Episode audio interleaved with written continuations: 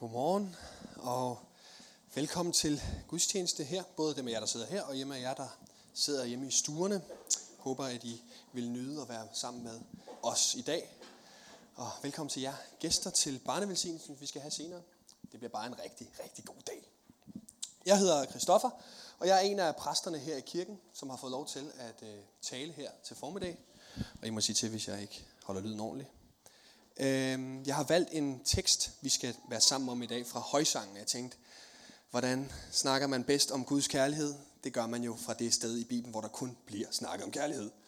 Så derfor har jeg kastet mig ud i at øh, prøve at give en lille forklaring omkring højsangen og nogle af de ting, som Gud har lagt på mit hjerte i det sidste måneds tid. Det er en tekst, som jeg har gået med, og øh, Gud har blevet ved med at minde mig om ting fra teksten. Så jeg tænkte, det var simpelthen oplagt at prædike om det, der ligger mig på hjertet.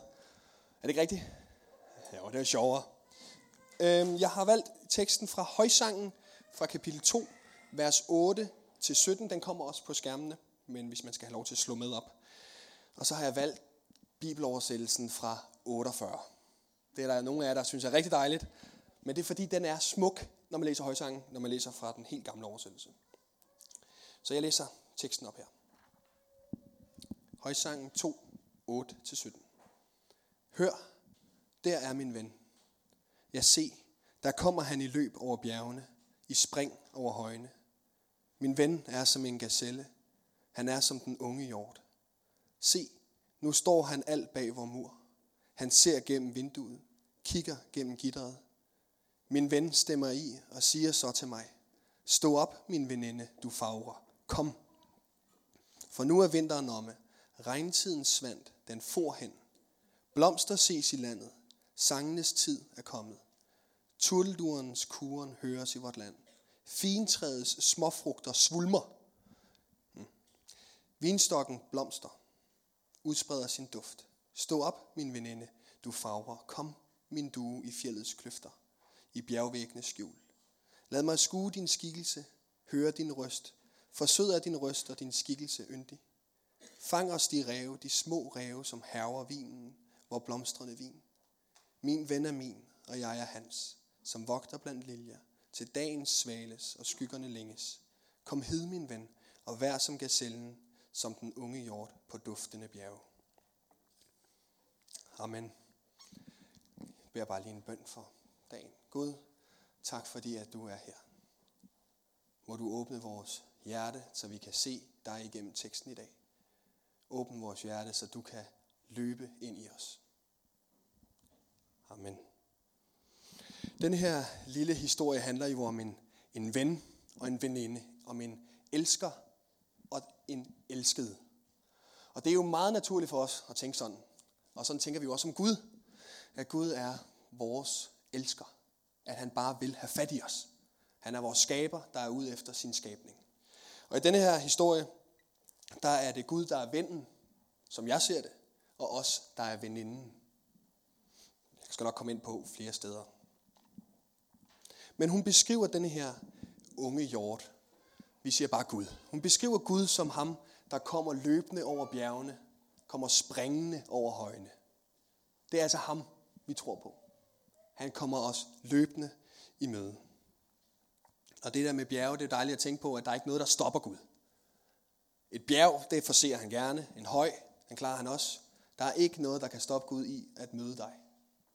Han vil have fat i os, og derfor døde han også på korset. Bare for at nå ned lige til dig i dag. Og så kommer han hen til vinduet og til gitteret, og så siger han, stå op, min veninde, du fagre, eller du er smukke, eller du er smuk, og kom, kom herud. Det fortæller meget om, hvem Gud han er, at han kalder os fagre, eller smukke. Det er ikke alle os, der sidder her i dag, der er lige tilfredse med, hvordan vi ser ud. Øh, det, det, kan man, det holder man bare for sig selv, hvis man synes. Men, men det er måske ikke nogle alle, det er ikke os alle sammen, der tænker, jeg er smuk. Og det er nok ikke størstedelen af os, der tænker, at mit indre liv er særlig smukt. Vores motiver, eller vores handlinger, eller vores tanker. Det er nok ikke altid det, at vi tænker, der er jeg bare smuk. Nu skal jeg bare tale for mig selv, så kan jeg sige det, at det ikke altid, at mine motiver er smukke. Det kan jeg sige. Men Gud han kender os, og han vil have fat i os lige som vi er. Han er skaberen, der har skabt dig. Han kender dig, og han vil bare have fat i os. Han vil have fællesskab med os. Og lige inden at han siger, stå op, min veninde, så står der, at han løber hen til muren og kigger ind igennem vinduet og kigger igennem gitteret. Ja, det betyder altså, at jorden er løbet hele vejen, at Gud er løbet over bjergene hele vejen hen til dig, men stopper foran muren. Det betyder, at du står på den anden side af muren og kigger ud gennem vinduet, eller kigger ud gennem gitteret. Og den her mur har jeg tænkt på, hvad i al den vidste verden kunne det være? Og det er forskelligt fra os, fra person til person, men en, en mur kan være dig, der er fanget af øh, en vrede på Gud. Man har oplevet meningsløshed her i livet, og det har man givet Gud skylden for. Man havde måske til med bedt Gud om at hjælpe en ud af en trængsel, og det skete ikke. Og så har man bygget en mur op mod verden og mod Gud, og sagt, det her, du skal ikke komme for tæt på, det kan jeg ikke holde til. Det kan også være, at man er fanget bag muren i forhold til skam, at man skammer sig. Man ved godt med sig selv, at man ikke altid er helt fin i kanten. Måske kender man sig selv så godt, at man godt ved, at man ikke er god nok. At man kommer ofte til kort. Så derfor gemmer vi os nogle gange bag en mur, bag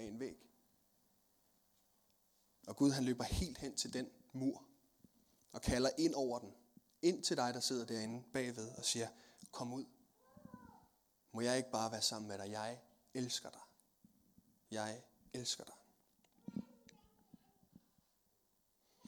Og mange gange, så når vi tænker, at vi ikke er gode nok, så tænker vi også, at Gud tænker det om os, fordi at Gud, han kender dig. Og så tænker vi, åh, så ved han også, hvor ikke smuk mine tanker altid er. Men det er lige meget. Gud er ikke bange for din synd.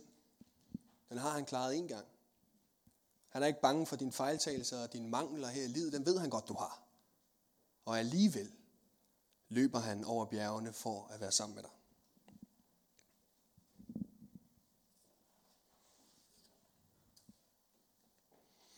Og i en, i en verden, hvor det gælder om at være bedst på alle områder, ikke?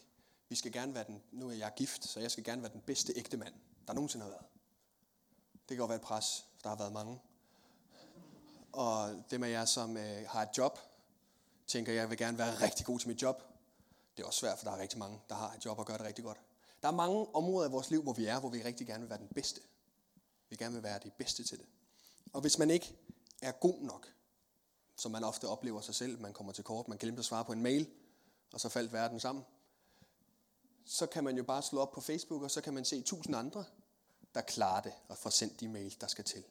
Så vi er lever i en verden, hvor vi hele tiden bliver præsenteret for det perfekte og for det gode, fordi at Facebook kun lige rammer højdepunktet af, livene, af, af vores liv. Men det bliver projekteret over på os, at vi finder ud af, hvor dårlig er jeg egentlig ikke i forhold til det der. Og det projekterer vi over på Gud. Gud er perfekt, så derfor kan han ikke være sammen med mig. Og det er en stor løgn, så derfor øh, er evangeliet teksten, eller evangeliet i dag. Gud er lige glad med dine fejl og mangler. Han vil bare have fællesskab med dig. Han forser gerne en bjerg og en høj for at møde dig. Er det ikke dejligt? Jo. Og det han så siger er jo helt fantastisk. Jeg læser bare op igen. Han siger, for nu er vinteren omme.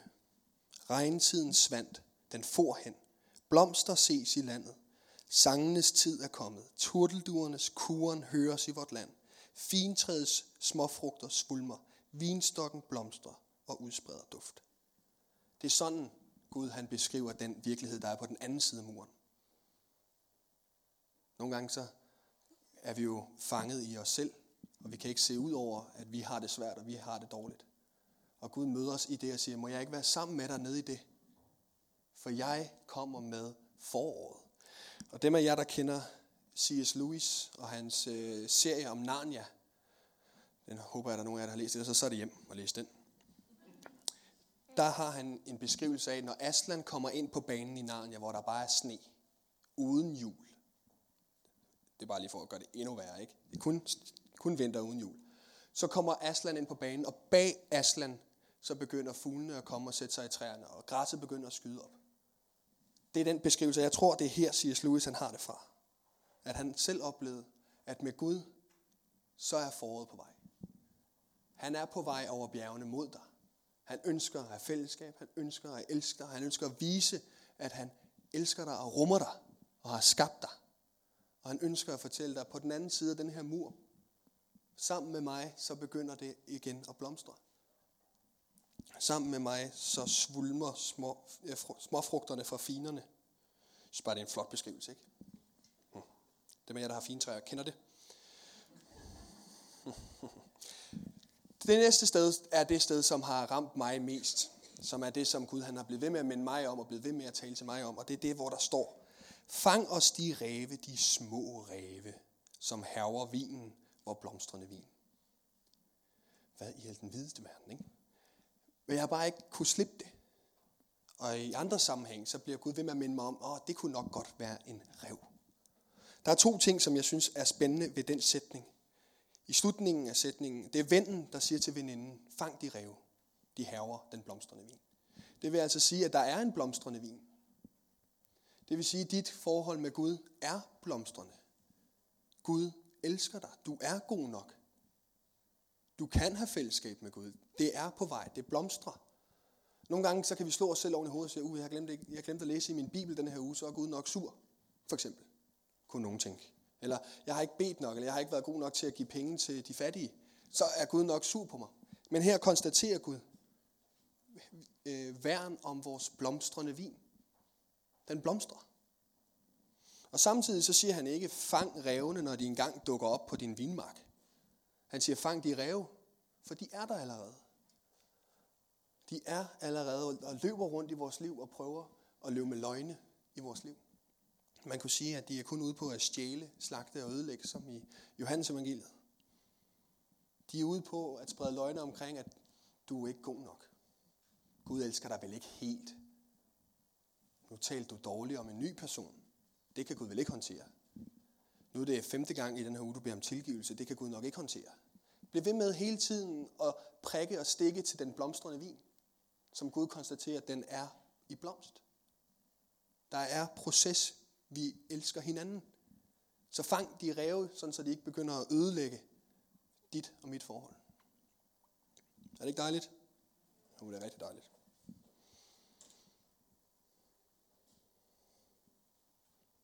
Så det er det, vi skal være rigtig gode til.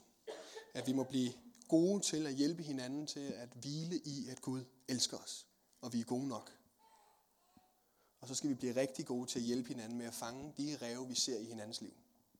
Nogle gange så er der jo nogle ræve, jeg ikke opdager i, opdager i mit liv. For eksempel, at når man er præst i en kirke, så skal man jo gerne være rigtig god til rigtig mange ting. Og der kan der jo godt løbe en rev rundt og sige, Nå, den, det glemte du også lige, Nå, det var nok ikke så smart sagt. Nå, ja, det var... Og så er det jo dejligt, at der kommer nogen og siger, det klarede du altså fint nok. Det var altså okay. Nå, tak. Så kan man tage den rev i halen og smide den ud og sige, så var det nok ikke noget alligevel. Og sådan har I det nok også i jeres eget liv. Der løber ting rundt, som man kan blive ved med at kigge på. Og så kommer der en og siger, Nå, det der, det tænker jeg slet ikke over. Nå, fedt. Er det ikke rigtigt? Jo, det er rigtigt. Godt. Det er dejligt at blive bekræftet i, at man har fuldstændig ret.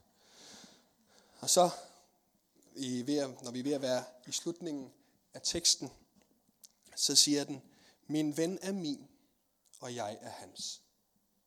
Min ven er min, og jeg er hans. Det vil sige, at vi tilhører Gud, og Gud tilhører os. Det er bare dejligt, at den nogle gange den også lige bliver vendt rundt.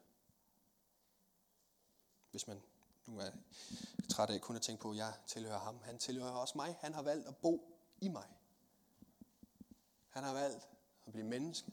Han har valgt at leve sammen med mig. Så han tilhører mig, og jeg tilhører ham.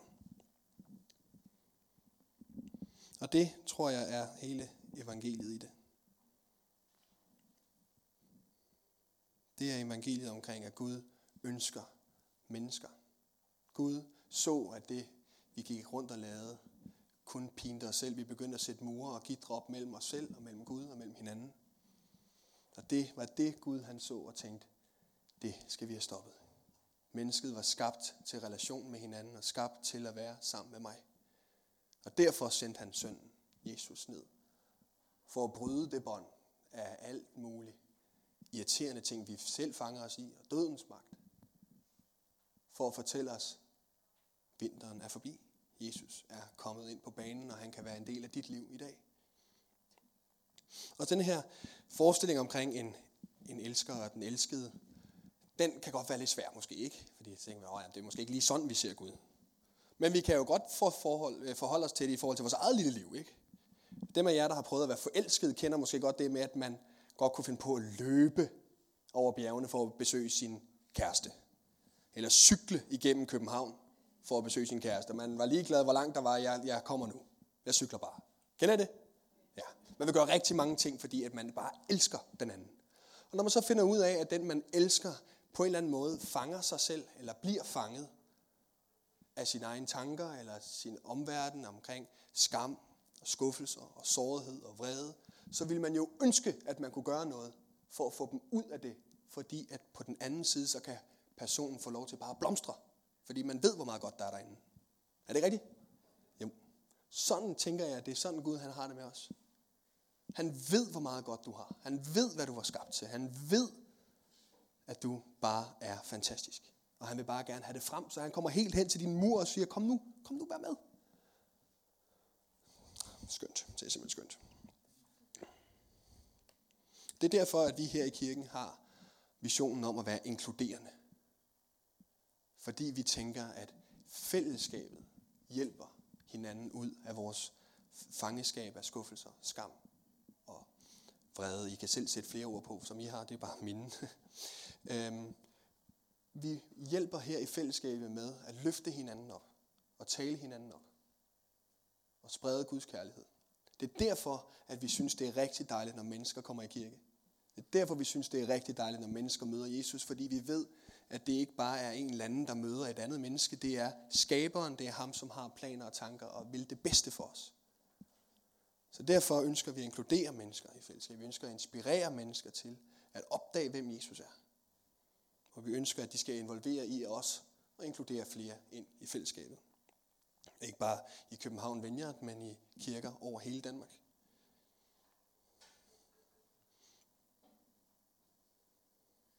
Så det er en stor opmundring til dig, som sidder bag en mur og oplever at være fanget